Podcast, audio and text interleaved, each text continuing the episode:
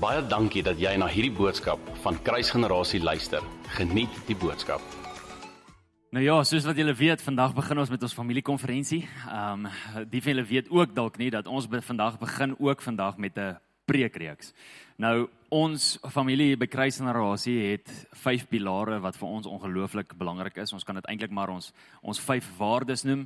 En dit is hoekom julle sou gesien het die span het vandag hierdie T-shirts aan met ons vyf waardes op. Vandag doen ons die tweede een van onder af, familie. Ehm um, want en ons doen julle konferensie daaraan want familie is ongelooflik belangrik. En vir die volgende 5 weke gaan ons stil staan by hierdie 5 topics. Ons 'n bietjie daar te kan gesels sodat julle ook die hart kan ken vir rondom wie ons is en wat ons doen en wat vir ons belangrik is. Dit is dit is vir ons ongelooflik belangrik. En vandag met die familiekonferensie skop ek dit af en dit is vir my 'n groot voorreg om bietjie te kan gesels oor die geestelike familie. Ehm um, nie jou fisiese familie nie om 'n bietjie te gesels oor kerk en wat hier aangaan want ek is vas oortuig dat 'n mens nie so iets kry soos 'n perfekte familie nie. Maar luister mooi kerk, familie, ons skuld die wêreld nie 'n perfekte familie nie, maar 'n gesonde familie. Dit is ongelooflik belangrik. En die groot probleem in vandag se tyd is dat die statistiek oor egskeiding en die statistiek oor mense wat saam bly voor die huwelik en die statistiek van ge, geboortes sonder dat daar enige troues is of kyk dink julle weet hoe dit werk? Die statistiek rondom dit is presies dieselfde binne in die kerk as buite die kerk. En kan ek vandag net vir jou iets sê? Daar's iets fout daarmee. Daar's iets fout daarmee as die statistieke oor egskeidings in die kerk dieselfde is as wat dit in die wêreld is, is wat dit in Suid-Afrika is. Iets is nie reg nie. In plaas daarvan dat die kerk die voorbeeld stel en in plaas daarvan dat die kerk leer, het die wêreld kom leer en het die kerk eerder aangepas by die wêreld en hoe die wêreld die goeders doen in plaas van dat die wêreld moet aanpas rondom hoe dit veronderstel is om te wees en wat die woord van God sê. En my hartsbegeerte, ons het laas jaar al begin met hierdie familiekonferensie. Julle weet, ons sê dit oor en oor en ons sê dit nie as 'n uitspraak nie, as 'n verklaring nie. Ons sê dit om dit te ontbloot. Daar's 'n groot verskil rondom dit. Want die oomblik wanneer jy 'n ding ontbloot, kan jy dit begin aanspreek en kan jy dit begin gesond maak. Wie wie julle weet dat dit wat in die donkerte is, as dit nie in die lig kom nie, word nie gesond nie. Dit bly net daar. So die feit dat ek die volgende sê is nie 'n verklaring oor hierdie dorp nie, is 'n ontbloting oor hierdie dorp. Middelburg het die grootste egskeidingssyfer in Suid-Afrika. Hierdie dorp in Suid-Afrika. En ons as 'n familie sê dis nou klaar. Want die oomblik wanneer dit so is, en luister mooi, ons val nie mense aan nie. Hier's mense vandag in hierdie plek wat se huwelik dalk op die rotse is, wat dalk deur 'n moeilike tyd gaan. En ons wil vandag vir jou sê, dis alright om daar te wees. Moet net nie seker maak, maak seker dat jy nie gly nie terwyl jy op die rotse is nie. Maar maak seker dat jy deur hierdie kom. Maak seker dat jy sterk staan. Maak seker dat jy nie ook deel word van die statistiek nie. Die oomblik as hierdie so is, dan is dit 'n openbaring van die feit dat daar 'n geestelike owerheid of 'n prinsipaliteit is wat bo hierdie dorp is en wat op die oomblik 'n verklaring maak om te kan sê hierdie is wat gaan gebeur in die huwelike van hierdie dorp. En as ons as 'n familie gaan stil bly daaroor, dan gaan daar niks verander nie.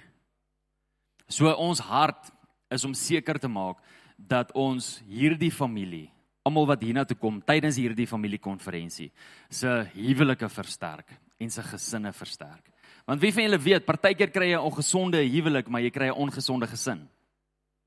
Partykeer gaan dit baie goed tussen man en vrou, maar die verhouding tussen kind en ma en pa is nie goed nie. En daar's issues. En die hart is om dit ook te kan aanspreek en om ouers te kan wys en te kan leer, hoe dink jou kind op hierdie oomblik? Want jy wil hê jou kind moet dink soos toe jy jonk was en hulle doen nie. Want daar's ander goeters waaraan hulle blootgestel word. Jy het nie eers so iets gehad soos 'n tablet toe jy klein was nie. Hulle word groot met dit. Hulle word nie groot met 'n realiteit dat daar internet nie bestaan nie. En dink gou 'n bietjie mooi. Kan jy terugdink aan 'n tyd wat internet nie bestaan het nie? Ek seker as jy hard dink kan jy terugdink, maar kan jy jouself nou indink om te lewe sonder internet? Gebruik jy internet elke dag? Elke liewe dag. Maar daar was 'n tyd gewees waar daar nie iets was soos internet nie. Nou jy het so groot geword met daai milieu en met daai gedagte gaan, maar jou kinders word nie so groot nie. Hulle word blootgestel aan ander goed en hulle kan nie dink soos wat jy gedink het nie want hulle word blootgestel aan ander goeters as waaraan jy blootgestel was. Dis baie makliker vandag om op 'n jong ouderdom pornografie te kyk as wat dit was in daai tyd. In daai tyd moes jy na 'n garage toe gaan en moes jy 'n tydskrif gaan kry het of jy moes by jou pel gaan kuier het wie se pa movies het wat in die kas bo geberre is waarvan niemand gehou het nie en as jy daar gaan kuier het, dan was jy ontbloot en het jy dit goed gekry. Dis wat gebeur het, jy lag, maar dis die waarheid. Vandag Gee vir jou kind 'n smartphone of 'n tablet op die ouderdom van 3 jaar of 4 jaar oud en dis net so beskikbaar. Hulle moet net weet wat om te search. Dit maak dat daar 'n probleem is en dit maak dat daar iets moet aangespreek word. Want die oomblik as jy dit nie aanspreek nie, dan word dit maar net normaal. En dan begin society, die samelewing agteruitboer en agteruitboer en agteruitboer en ons wil julle hande versterk om seker te maak dat julle weet wat hier aangaan en hoe om hierdie goedjies te kan uitsorteer. Wie van julle ken ons vriend Colgate? Ek hoop dat jy 'n goeie verhouding het met Colgate. Anders beteken dit jou asem stink dalk. Of Aquafresh of wat ook al, Close-up of wat ook al jy nou gebruik, maar solank jy nou net met tandepasta 'n goeie verhouding het en dat jy ver oggend daarom tandepasta gebruik het. Het jy geweet Colgate het begin in 1873.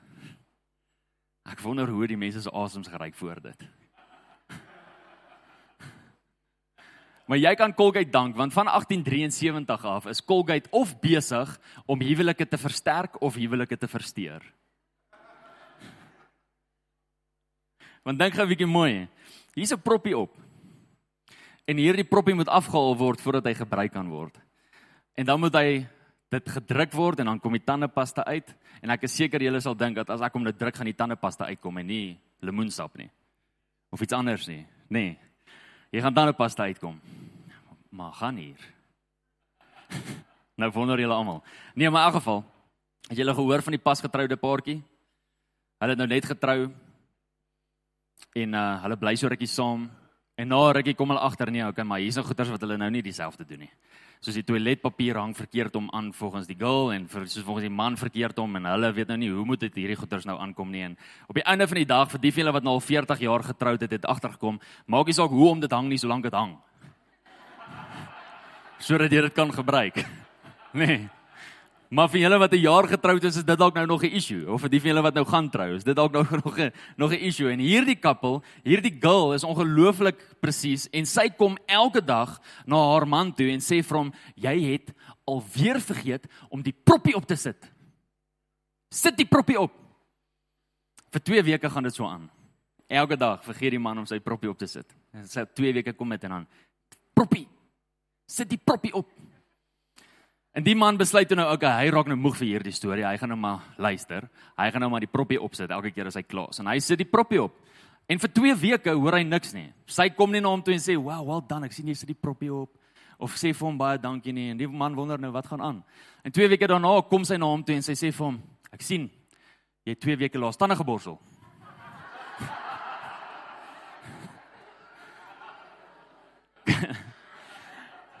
Ons moet ons moet dalk net vir mekaar ruimte gee ook om te kan verander. Maar ons kan dankbaar wees vir Colgate want Colgate soos ek sê het nou al huwelike versterk of dit het nou al huwelike versteur. Maar weet julle wat, partykeer beklei mense oor simpel goed. En partykeer beklei mense oor om oor onnodige goeders, want party mense hou daarvan om die katane pasta bysie te druk van onder af, ander druk hom in die middel, ander rol hom op aan die onderkant. En ander mense worry net nie of dit nou hier by die kant uitkom, dit kom maar uit en ek gebruik dit. Dit is nou nie 'n issue nie. Okay? So vir mense maak dit nie saak nie. En kan ek vandag vir jou sê die doel van Colgate is om seker te maak dat jou tande skoon is en jou asem lekker ruik. Die doel van Colgate is nie om seker te maak dat jy risie het in jou huwelik nie. Maar partykeer beklei 'n mens oor stupid goedjies. Net so in die geestelike familie beklei 'n mens partykeer oor stupid goedjies en kom 'n mens nie agter dat die goedjies waarmee ons besig is, is daar sekere en dit is gritty goedjies wat eintlik nie belangrik is nie. Maar kan ek vandag net die volgende sê? As ons wil weet hoe om 'n gesonde fisiese familie reg te kry, is dit ongelooflik belangrik vir ons om eerstens deel te wees van 'n geestelike familie. En ek wil die verklaring maak dat dit amper onmoontlik is om 'n gesonde fisiese familie te hê as jy nie aan 'n geestelike familie behoort nie. Kom ek verduidelik dit so klein bietjie. En Jesus het hierdie self beamoem die oomblik toe hy gesê het in Lukas 8 vanaf vers 19 tot 21. Is hy besig om te bedien? Hy's besig om te om te werk, sy werk te doen, sy roeping uit te leef. En terwyl hy daar is, kom sy ma en sy boeties na hom toe en hulle soek hom. Maar hulle kom nie deur nie want daar's so baie mense en omdat daar so baie mense is, kom hulle nie naby hom nie. En hulle stuur toe boodskappers na hom toe en die boodskapper sê: "U moeder en die broer staan buite en hulle wil u sien." En hoor wat antwoord hy? Hy antwoord die volgende en hy sê: "My moeder en my broers is die wat die woord van God hoor en dit doen."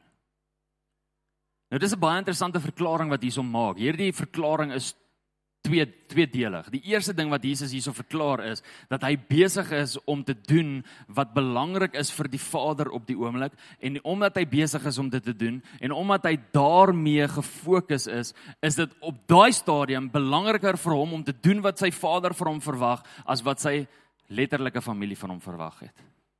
En tweedens kom hy en verklaar dat daar 'n tyd gaan kom waar daar 'n geestelike familie gaan wees want wie van julle weet die kerk is nog nie gestig hier nie, maar eers na die kruis, die oomblik toe hy opgestaan het, toe staan die kruis oor die kerk op. Amazing. En toe die kerk opstaan, toe kom daar 'n geestelike familie. En hierdie was die verklaring van 'n geestelike familie dat die oomblik wanneer jy besig is om te doen wat hy vir jou sê jy moet doen, dan is jy sy broer, dan is jy sy ma. Met ander woorde, dan is jy deel van sy familie. Wanneer Jesus sê die volgende: As jy wil die, weet of jy deel is van my familie, dan moet jy dit gaan weeg aan die feit dat is jy besig met sy woord? Is jy besig met sy hart? Is jy besig om te doen wat hy vir jou vra om te doen? Want die oomblik wanneer jy sê ja, dan is jy deel daarvan. Dis wat Jesus hier verklaar. Maar dan kom Paulus ook later en Paulus verklaar later op 'n ander stadium dat ons deur die bloed van Christus aangeneem is en deel vorm van 'n familie. Kom ek lees dit vir julle. In Galasiërs 4 vanaf vers 4 tot 6 staan daar: "Maar toe die volheid van die tyd gekom het, wat beteken dit? Toe die volheid van die tyd gekom het. Dit beteken dat in God, in Vader se gedagtes, was daar 'n tydsberekening gewees wat hy iets wil release, wat hy iets wil loslaat, wat hy iets wil laat gebeur in hierdie wêreld. Dis wat dit beteken. En toe die regte tyd kom. Wie van julle weet die manne wie se vrouens nou al swanger was. As die volheid van die tyd kom dan kom daai babatjie en dan weet jy as man dit ook. En dan maak jy planne en dan maak jy seker al die goedjies is reg en jy weet waar jy nou moet uitkom want die volheid van die tyd het gekom. Wie van julle weet as die babatjie besluit het hy hy kom dan is daar nie keer nie. Daar's daar nie ag nee wag nog 'n maand. Gaan nie gebeur nie want die volheid van die tyd het gekom. En dit is dieselfde Griekse analise wat hierso gebruik word. Die volheid van die tyd praat hierso in die Griekse terme van 'n vrou wat geboorte gee. Die volheid van die tyd het gekom en God het sy seun uitgestuur, gebore uit 'n vrou, gebore onder die wet om die wat onder die wet was los te koop. Los te koop van die wet. Sodat ons die aanneming tot kinders kan ontvang.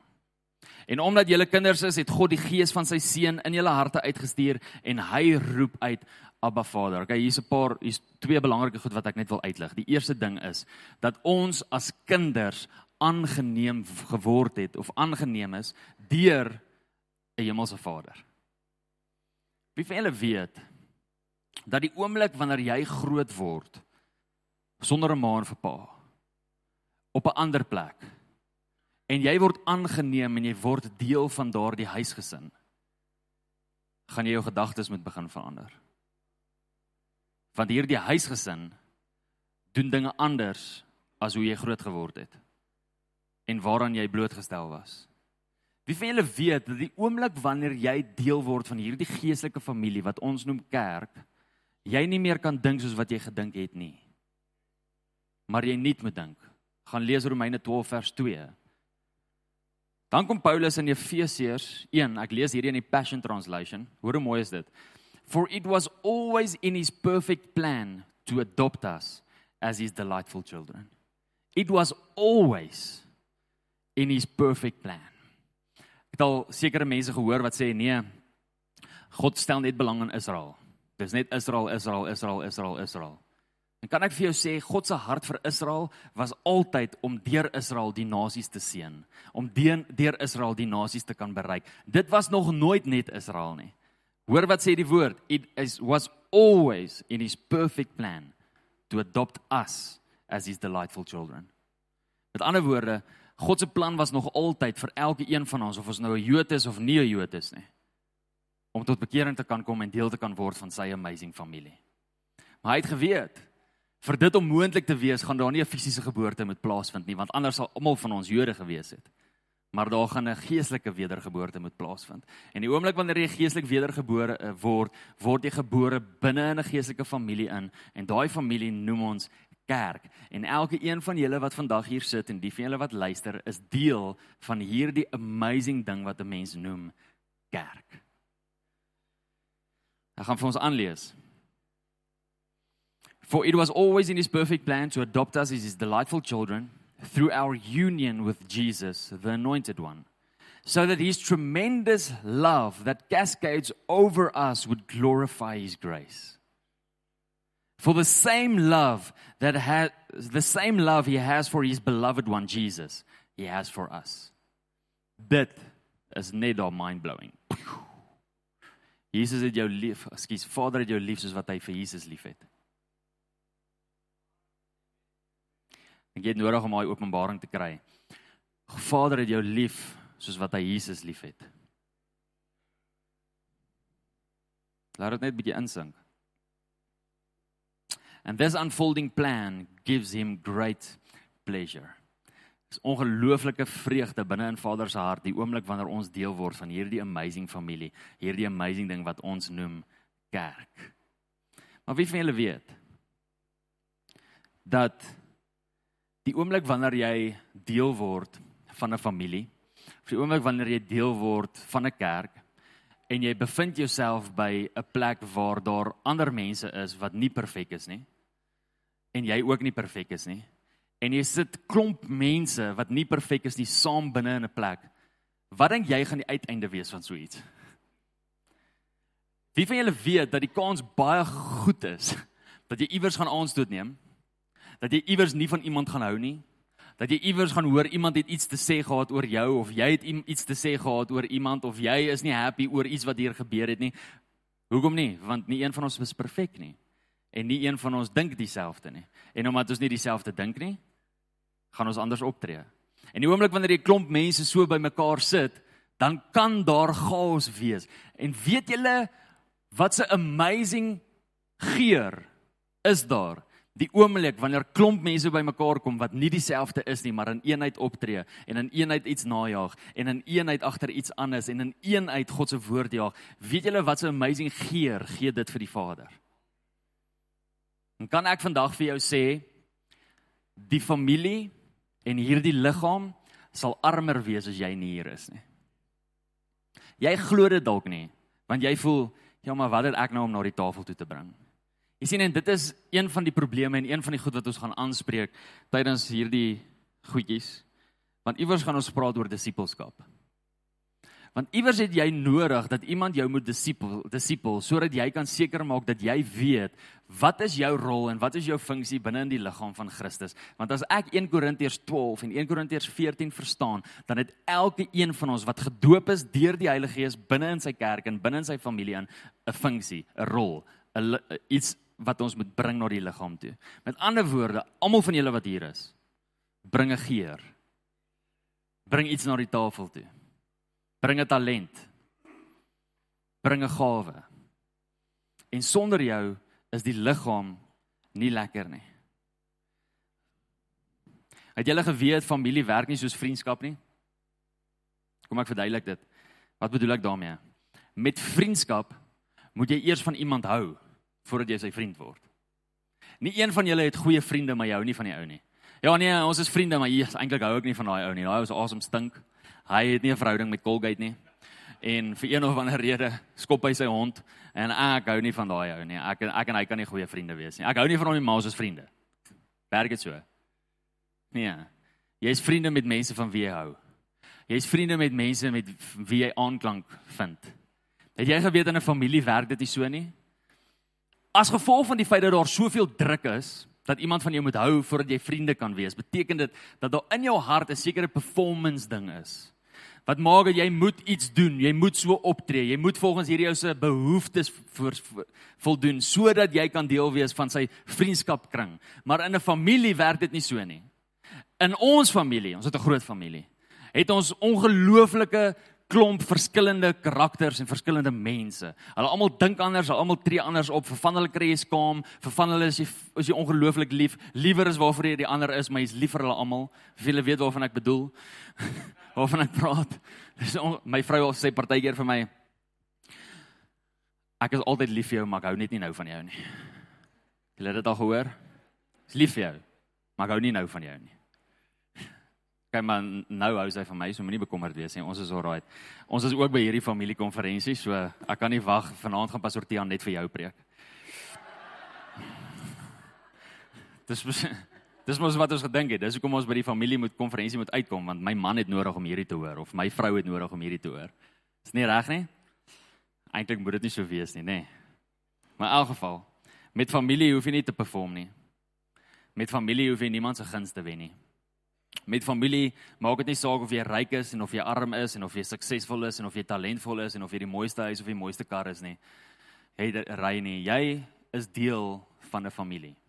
En omdat jy deel is van daai familie, beteken dit dat daar vir jou aanvaarding is. En omdat jy deel is van daai familie, beteken dit dat jy vir mekaar omgee. Maak nie saak hoe weird jy is nie, maak nie saak hoe jy dink nie. Jy's my neefie, jy's my niggie en ek is lief vir jou. Dit is die voordeel van 'n familie. In Johannes 3 vers vers 1 staan daar: Kyk wat 'n groot liefde die Vader aan ons bewys het dat ons kinders van God genoem kan word. Kyk wat 'n so groot liefde die Vader aan ons bewys het dat ons kinders van God genoem kan word. Jy sien vir Vader is dit ongelooflik belangrik vir jou dat jy geliefd sal wees. En wie van julle weet, hy wil nie net hy is nie selfsugtig en as 'n vader wil hê dat jy net liefde by hom moet kry nie, maar sy hart is dat jy liefde sal kry by jou boetie, by jou sussie, by jou oom, by jou tannie, by jou niggie, by jou neefie, dat daar aanvaarding vir jou sal wees, dat daar liefde vir jou sal wees. En dit is waaroor die familie gaan. Vader wil sy familie herstel en dit maak dat ons as 'n familie 'n groot verantwoordelikheid het. Wil die volgende sê: Soveel mense het al seer gekry in kerk. En soveel mense ken nie eers kerk nie en is ook nie blootgestel aan kerk nie.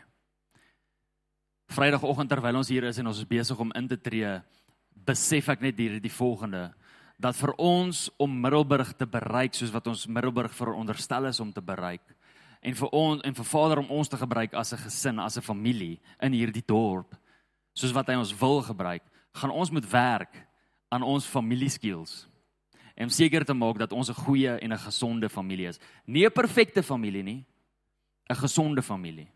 Want wie van julle weet, die oomblik wanneer iemand in hierdie familie inkom en hierdie kerk inkom en hy ken nie kerk nie, wil ons nie hê dat hy so prentjie kry van kerk dat hy nooit weer wil deel word van kerk nie. Dit is ons verantwoordelikheid om seker te maak dat daai persoon weet waaroor kerk gaan en waaroor familie gaan. Dis ongelooflik belangrik. Wie van julle weet dat ons wil ook hê dat mense wat seer gekry het in kerk, die oomblik as hulle hier instap dat hulle nie sal voel ek moet op my hoede wees. Ja, ek moet nou eers check wat is hierdie ouens se hoekom wil hulle met my? Hoekom is hy so vriendelik? Hoekom het daai ou wat gaan nou hier? Hoekom het hulle koffie daar agter? Wat gaan hier aan? Want daai mense is super krities. Dis ons verantwoordelikheid om seker te maak dat ons familie so gesond is en in hierdie gesondheid dat daai mense sal wil deel wees van dit alles. Nou soos ek gesê het, baie mense het al seer gekry in die kerk en wil nou nie meer deel wees daarvan nie.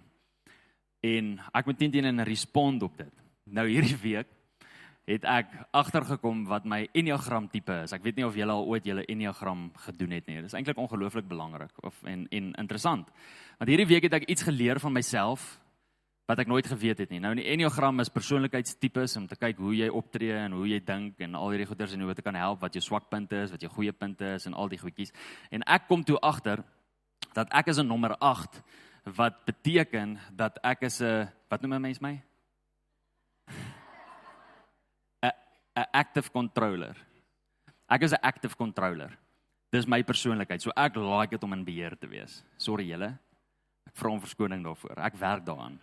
Maar dit is my persoonlikheidstipe. Nou 'n active controller is 'n ongelooflike logiese denker en nie 'n emosionele denker nie.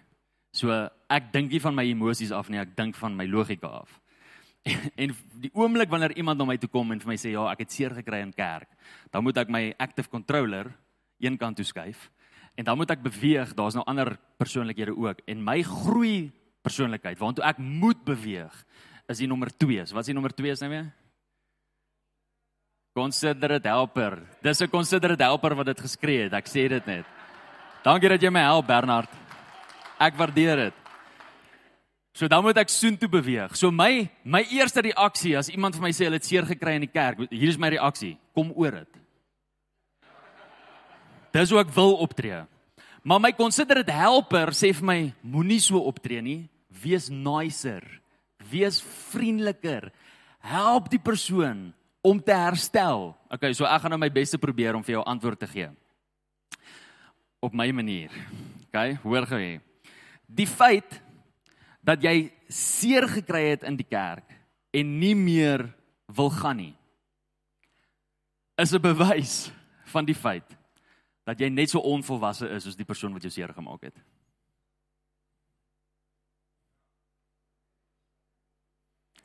Was dit 'n goeie probeerslag of was dit nog steeds te kwaai? My vrou maak so gaan. Ek weet hierdie is dalk ook nog bietjie kwaai, maar hierdie is ongelooflik die waarheid. Kan ek net die volgende vir jou sê, die feit dat jy seer gekry het in kerk en dat jy nie meer vir kerk toe gaan nie, beteken dat jy net so onvolwasse is soos die persoon wat jou seer gemaak het. Hoe kan ek so iets sê? Dit is baie eenvoudig, want die oomblik wanneer jy geestelik volwasse is, dan beteken dit dat jy sal begin optree soos wat die woord van jou verwag om op te tree. En die woord sê vir ons die volgende in Matteus 18: As jou broer iets teen jou het, gaan sorteer dit uit. Nie wip jouself en gaan kry 'n ander kerk nie. Gaan sorteer dit uit. En as hy nie wil luister nie, kry vir jou broer om saam met jou te gaan en gaan sorteer dit uit. Dis wat die woord van God sê. In Matteus 6 staan daar dat as jy nie ander mense vergewe nie, ek jou ook nie gaan vergewe nie, sê Jesus. So hierso hierdie is so 'n volwasse gelowige optree. OK? Och, daai ou het my nou offend. Right. Jy het my nou vent, kom ek gaan praat met jou. Hoorie so oom, ek het nie gehou van twee hierdie en hierdie sê nie, maar ek werk regtig daaraan. Maar kom ons gesels net 'n bietjie bietjie hieroor. Want dalk het jy 'n goeie punt en dalk kan jy nie my perspektief insien nie. Kom ons kyk net gou 'n bietjie hierna. En dan om ook te kan sê, maar ek vergewe jou oom. Ek sê kwaad vir jou nie. Nou jy het my vent, maar ek is oor dit. Dit is uitgesorteer en ek het jou vergewe en ek vergewe myself ook omdat ek dalk nie optree soos wat ek wil optree nie. Nou die dag stap ek en my vrou in Checkers rond. En ons is besig om goedjies te koop vir die kerk. Hier, vir Kersfees. Balletjies en allerlei goedjies wat ons nou kan opmaak en ons probeer ongelooflik selektief wees want jy weet met Kersfees kan jy nie net opsit in die kerk wat jy wil nie want ons al mense wat offense neem as al sekere goeders is. So nou is ons selektief besig daar in Checkers en daar's ongelooflike klein rye daar in Checkers. So nou staan ons hierso is 'n boks hier's 'n ry, maar dis letterlik die spasie. En maar aan hierdie kant is daar ook 'n ry en aan daai kant is daar ook 'n ry. En ek staan so so met my rug soontoe en ek's besig om hier te kyk na wat my vrou vir my besig is om te wys. En ek hoor ewe skielik agter my.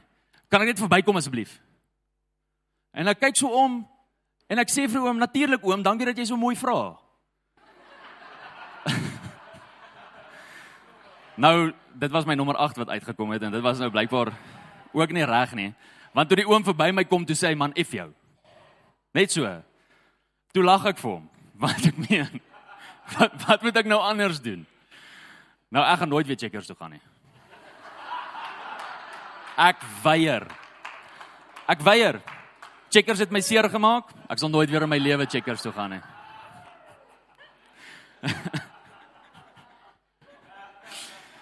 kan ek net Kan ek net die volgende vra? Wie spyt ek? Myself. Daai oom weet nie as ek kwaad vir hom nie. Daai oom gaan ek 10 teen nooit weer in checkers raakloop in elk geval nie. En kan ek net die volgende sê, dit was nie checkers se skuld gewees dat dit gebeur het nie. En ek het al soveel keer met mense gepraat en dan sê hulle vir my ja, die kerk het my seer gemaak. Dan vra ek vir hom, wie's die kerk? Want ek is doodseker ek het jou nie seer gemaak nie. Inteendeel, hier is ek en ek luister na jou en ek wil jou help. So moenie vir my sê die kerk het jou seer gemaak nie, want ek is hier om jou te help. Wie het jou seer gemaak? Nee, daai oom het dit gesê en hy het my seer gemaak. O, so dit was nie die kerk nie, dit was 'n persoon in die kerk wat jou seer gemaak het. Okay, kom nou oor dit. Nee, ek speel. Ek speel. Ek van julle gaan nou baie bang wees om na 'n berading toe te kom na my toe. Ek is baie jammer. Wie van julle weet dat ons mekaar ongelooflik nodig het? En weet julle wat, nou? As ek opgetree het soos wat ek nou soos met hierdie checkers ding, of as ek opgetree soos 'n gewone persoon om te sê, luister, ek gaan nou nie meer daai kerk toe gaan nie want die kerk het my seer gemaak. Dan sou ek of julle sonder 'n pastoor gesit het.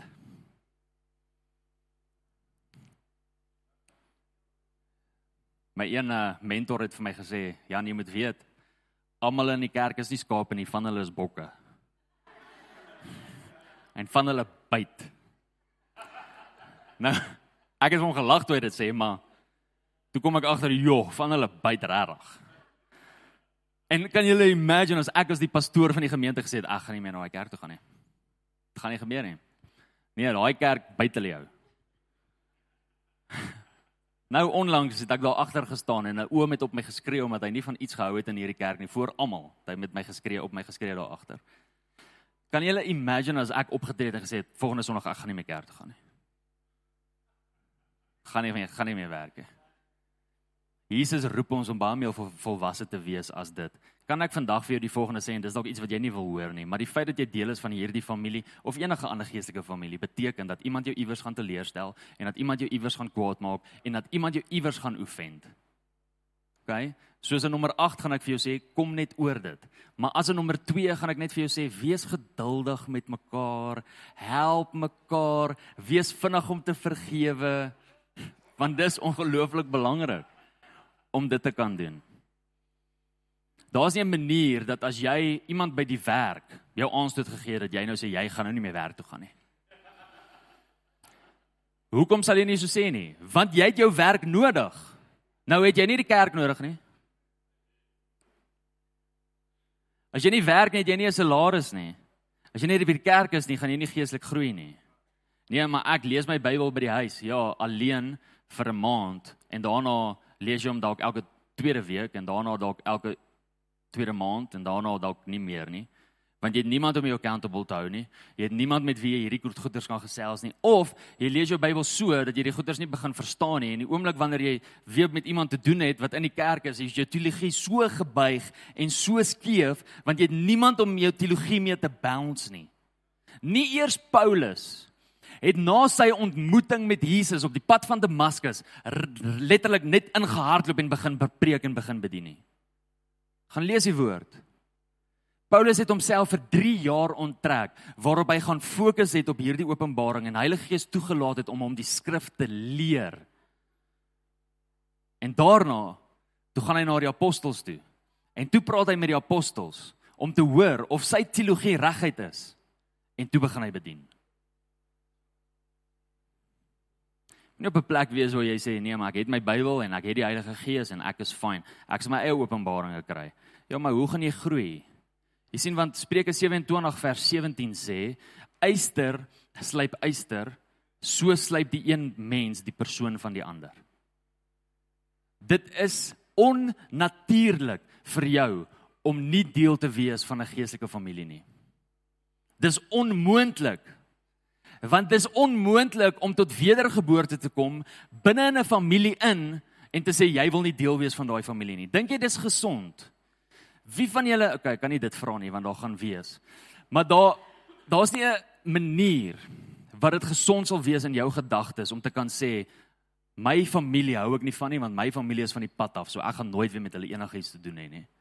Dis nie gesond nie. Inteendeel is dit ongelooflik selfsugtig. Wie van julle weet dat 80% van my familie dien nie die Here nie, maar ek kuier nog steeds saam met hulle en ek is nog steeds lief vir hulle en ek is nog steeds daar om hulle te support. Hoekom? Want dis dalk die enigste Bybel wat hulle gaan kan lees. Dis ongelooflik belangrik.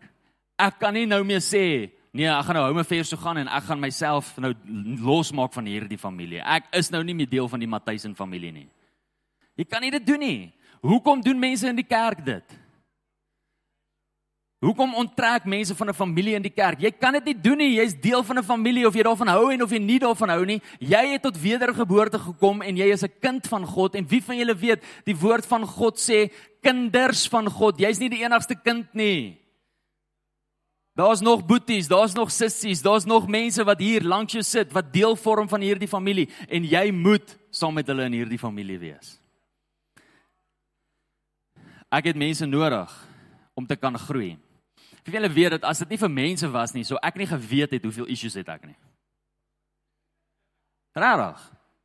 En jy is julle verbaas dat ek issues het of as julle verbaas dat ek sê soveel van die mense. ek het issues. Vra my vrou, sy's of julle sê. Sy's eerlik daaroor.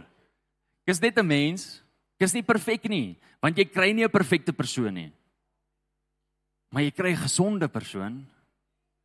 Jy kry nie 'n perfekte familie nie, maar jy kry 'n gesonde familie. En wie van julle weet dat as dit nie was vir julle nie, sou ek nooit geweet het dat ek so selfsugtig was nie. Is nie, was nie. So sou ek nooit geweet het dat ek so hoogmoedig is nie. Sou ek nooit geweet het dat ek eintlik jou nodig het nie, want ek het gedink ek kan alles self doen. En toe kom ek agter, "Sjoe, maar daar's iemand wat dit beter doen as ek." Kom ek leer by hom. Of toe kom ek agter, "Sjoe, maar as ek in tuis hierdie ding saam doen, dan kom dit beter in plaas van dat as ek dit alleen doen." Hoe kan ek net vir julle sê ek waardeer daai pastoor? Want saam is ons beter. Alleen is dit ongesond. Want ons het die familie nodig en jy het die familie nodig. Hoor wat sê hier Galasiërs 3 vers 26. Ek's amper klaar. Tot 29. Want julle is almal kinders van God deur die geloof in Christus Jesus, want julle almal wat in wat in Christus gedoop is, het julle met Christus bekleë. Daar is nie meer Jood of Griek nie. Daar is nie meer slaaf of vry man nie. Daar is nie meer man en vrou nie, want julle is almal een in Christus Jesus. En as julle aan Christus behoort, dan is julle die nageslag van Abraham en volgens die belofte erfgename. Eerstens wil ek ek wil dalk net twee goeie sê. Ek het gehoor dat mense praat van ja, hulle is hulle is messianic Jews. Nou glo my, ek het niks teen hulle nie. Wat hulle eintlik sê is dat hulle het Joods groot geword en toe het hulle tot bekering gekom en nou is hulle messiaanse Jode. Maar volgens die Bybel is daar nie so ding soos 'n messiaanse Jood nie. Ek is nie 'n messiaanse boer nie. Jy is ook nie 'n messiaanse Engelsman nie. Die woord van God sê ons is almal een binne in Christus. En of ek nou groot geword het as 'n Jood en of ek nou groot geword het as 'n boer en of as ek nou groot geword het as 'n Engelsman, die oomblik wanneer ek in Christus is, dan beteken dit dat daai goed val weg. Daar's 'n nuwe kultuur, daar's 'n nuwe familie en hierdie familie is die familie van God en dit beteken dat ons word nie meer voorgetrek nie. Ons is nou almal een. Ons is nou deel van 'n nuwe familie. Die tweede ding wat ek ook wil sê is, daar's so 'n sekere beweging wat ek seker van die duiwel af is. Rarig. Maar daar's 'n sekere beweging wat opstaan in die kerk wat sê dat vrouens nie mag preek nie en dat vrouens nie agter 'n kansel mag staan nie en dat vrouens nie die reg het om lering te bring of enige suies nie. Kan ek net vir jou sê dat die woord van God sê hier dat daar is nie meer so iets soos man of vrou nie. Die oomblik wanneer jy in Christus is en jy's deel van 'n familie, is daar nie meer 'n geslag nie. Jy's almal een binne in Christus. En kan ek al vir jou sê ek het al baie meer geleer by my vrou as wat ek by ander pastore geleer het. Rarig. Daai ding se kop net afkap. Dis ons werk om seker te maak dat hierdie familie gesond is. Sodat wanneer ongesonde mense hier instap, hulle ook gesond kan wees. Wie weet as as jy instap by 'n familie en jy word deel van hierdie familie, maar hierdie familie is ongesond, is die kans baie goed dat jy ook ongesond gaan wees en dat jy ook nie reg gaan dink nie. En daarom is dit ongelooflik belangrik om seker te maak dat daar gesonde families is, dat daar gesonde geestelike families is en hoor mooi, nie perfek nie. Want ons almal het foute en ek het meer foute. Ons almal het foute. Dit is nie perfek nie, maar ons kan gesond wees. En gesond beteken Ons verdra mekaar. Ons dra mekaar se laste. Ons is daar vir mekaar. Ons help mekaar. Ons vergewe mekaar vinnig. Ons verklaar dat ons mekaar nodig het en ons sorteer 'n ding uit wanneer daar enige risiko's is of ongelukkigheid is. Gesels ons met mekaar en ons sorteer dit uit. Dit is tekens van 'n gesonde familie. En weet julle wat is die grootste teken van 'n gesonde familie? Die feit dat hierdie familie hulle self submit onder 'n Vader en luister na die Vader. En wie vir julle weet dat ek nie die hoof is van hierdie kerk nie. Julle moes nou almal gesê het ja, so weet dit. Ek is nie die hoof van hierdie kerk nie. Jesus is die hoof van hierdie kerk. God is die hoof van hierdie kerk. En dit beteken dat dit ongelooflik belangrik is vir ons om seker te maak dat ons luister na wat sy hartsbegeerte is en wat hy graag wil hê ons moet doen. Dan is ons 'n gesonde familie. Al mis ons dit partykeer, solank ons net probeer het. Maar wie van julle weet dat 'n pa nie met sy seun raas as sy seun probeer het en alles gee het, gegee het nie. As jy doen pa, is jy nie 'n gesonde pa nie. Jy sien dit probeer. Maar ons sal dit vir die kenners wat vanaand en môre aand en dinsdag aan preek, ons sal dit vir hulle los. Familie, familie, dis die laaste ding wat ek wil sê, is deel van God se herlewingsplan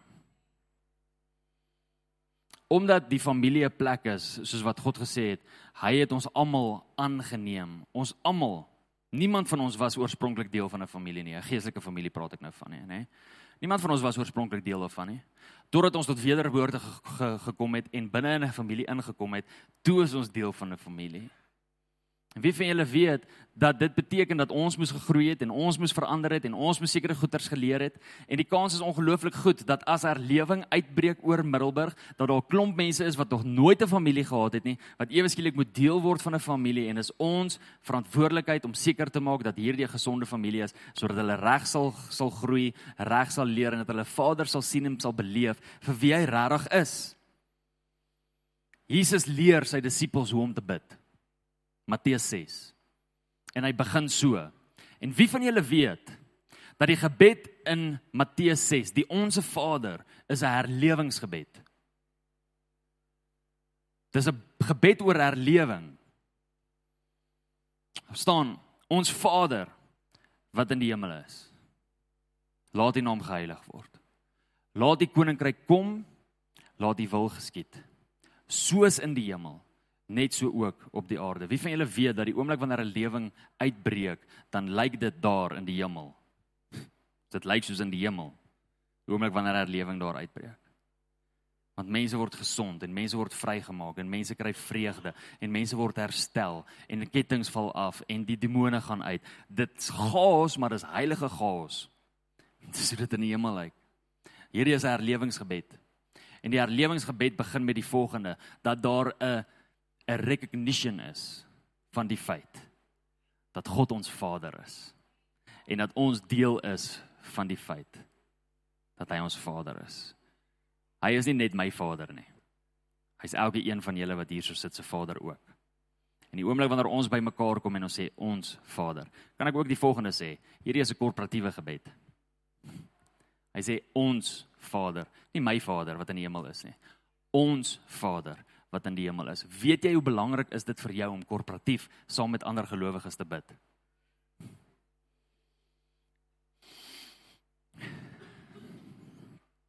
My hartsbegeerte is dat ons 'n familie sal wees wat so gesond is dat die oomblik wanneer enige iemand hier instap wat ongesond is, gesond sal kan word as gevolg van die kultuur wat hier is, as gevolg van hoe ons mekaar hanteer, as gevolg van die liefde wat daar is onder mekaar, as gevolg van die geduld wat daar is onder mekaar.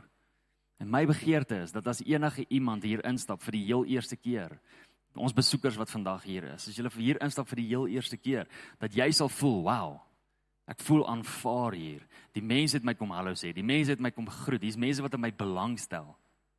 Wow, waar kom dit vandaan? Dis hoe dit moet wees. So kom ons nou-nou geleentheid gemaak het waar ons vir mekaar gebid het. So kom ons nou-nou geleentheid gemaak het waar ons mekaar kan ondersteun, want dit is hoe familie moet wees. En my begeerte is om seker te maak dat ons onsself reg posisioneer sodat die oomblik wanneer herlewing uitbreek in hierdie dorp dat ons as 'n familie reg sal wees om mense wat hom nie ken nie te kan blootstel aan wie hy is.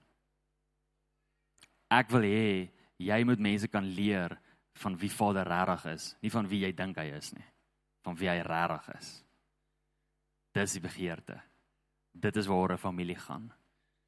Ons het mekaar nodig of jy dit wil glo en of jy dit nie wil glo nie. Ons het mekaar nodig. Sonder mekaar gaan ons nie groei, gaan ons nie groei nie. Sonder mekaar gaan ons nie nuwe openbaring kry van wie hy is. As dit nie was vir mense in die kerk nie, sou ek nie geweet het hoe om hardop te bid nie. Ek sou nie geweet het hoe om Bybelstudie te doen nie. Ek sou nie geweet het hoe om voor mense te praat nie.